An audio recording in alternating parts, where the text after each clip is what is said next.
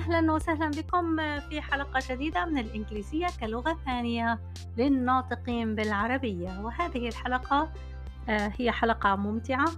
أنا أحب هذه الحلقات التي آه، تتكلم عن العبارات اليومية في الحياة الأمريكية. آه، في المجتمع الأمريكي حين يريدون أن يقولون ما الأخبار؟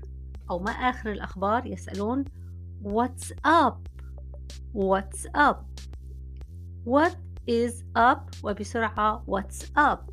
What's up? What's up يعني ما الأخبار? Pick me up يعني خذني من المكان الذي أنا فيه.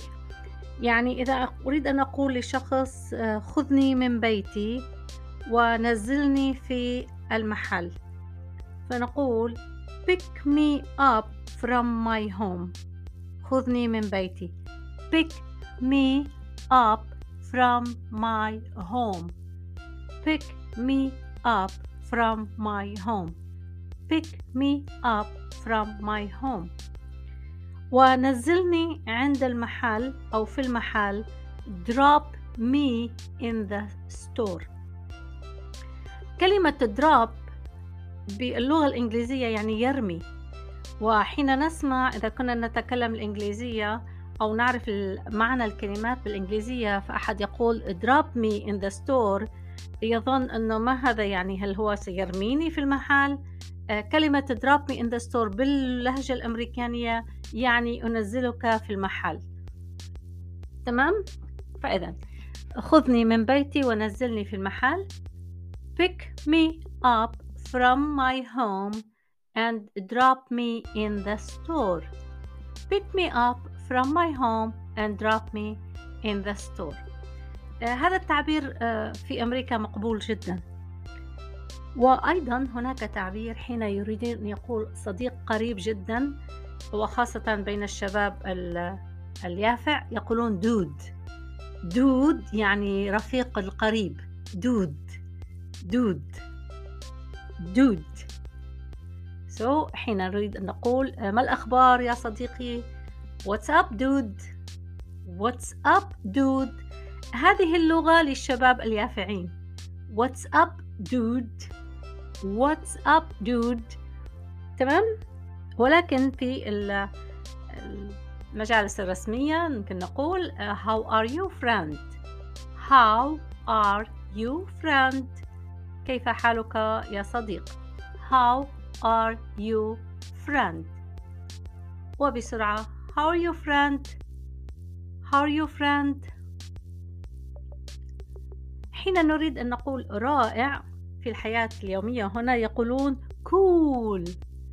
Ah this is cool. This is cool. رائع. Cool. وممكن أن نقول هذا رائع بعبارة أخرى. This is awesome. This is awesome. This is awesome.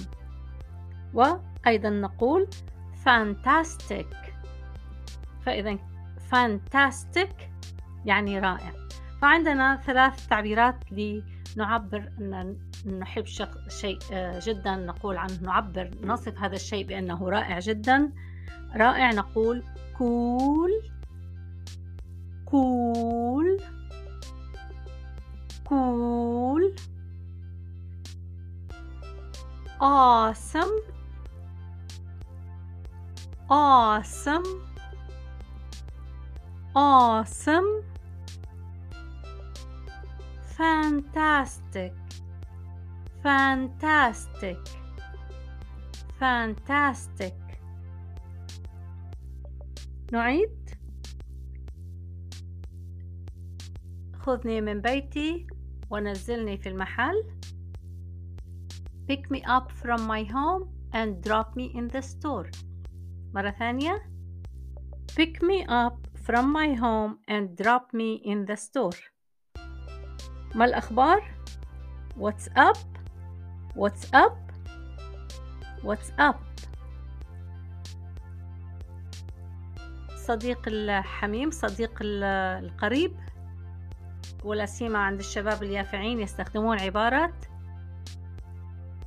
ممكن نستخدم friend ولكن هناك عبارة كلمة dude. dude. dude. وأخيرا رائع cool awesome fantastic.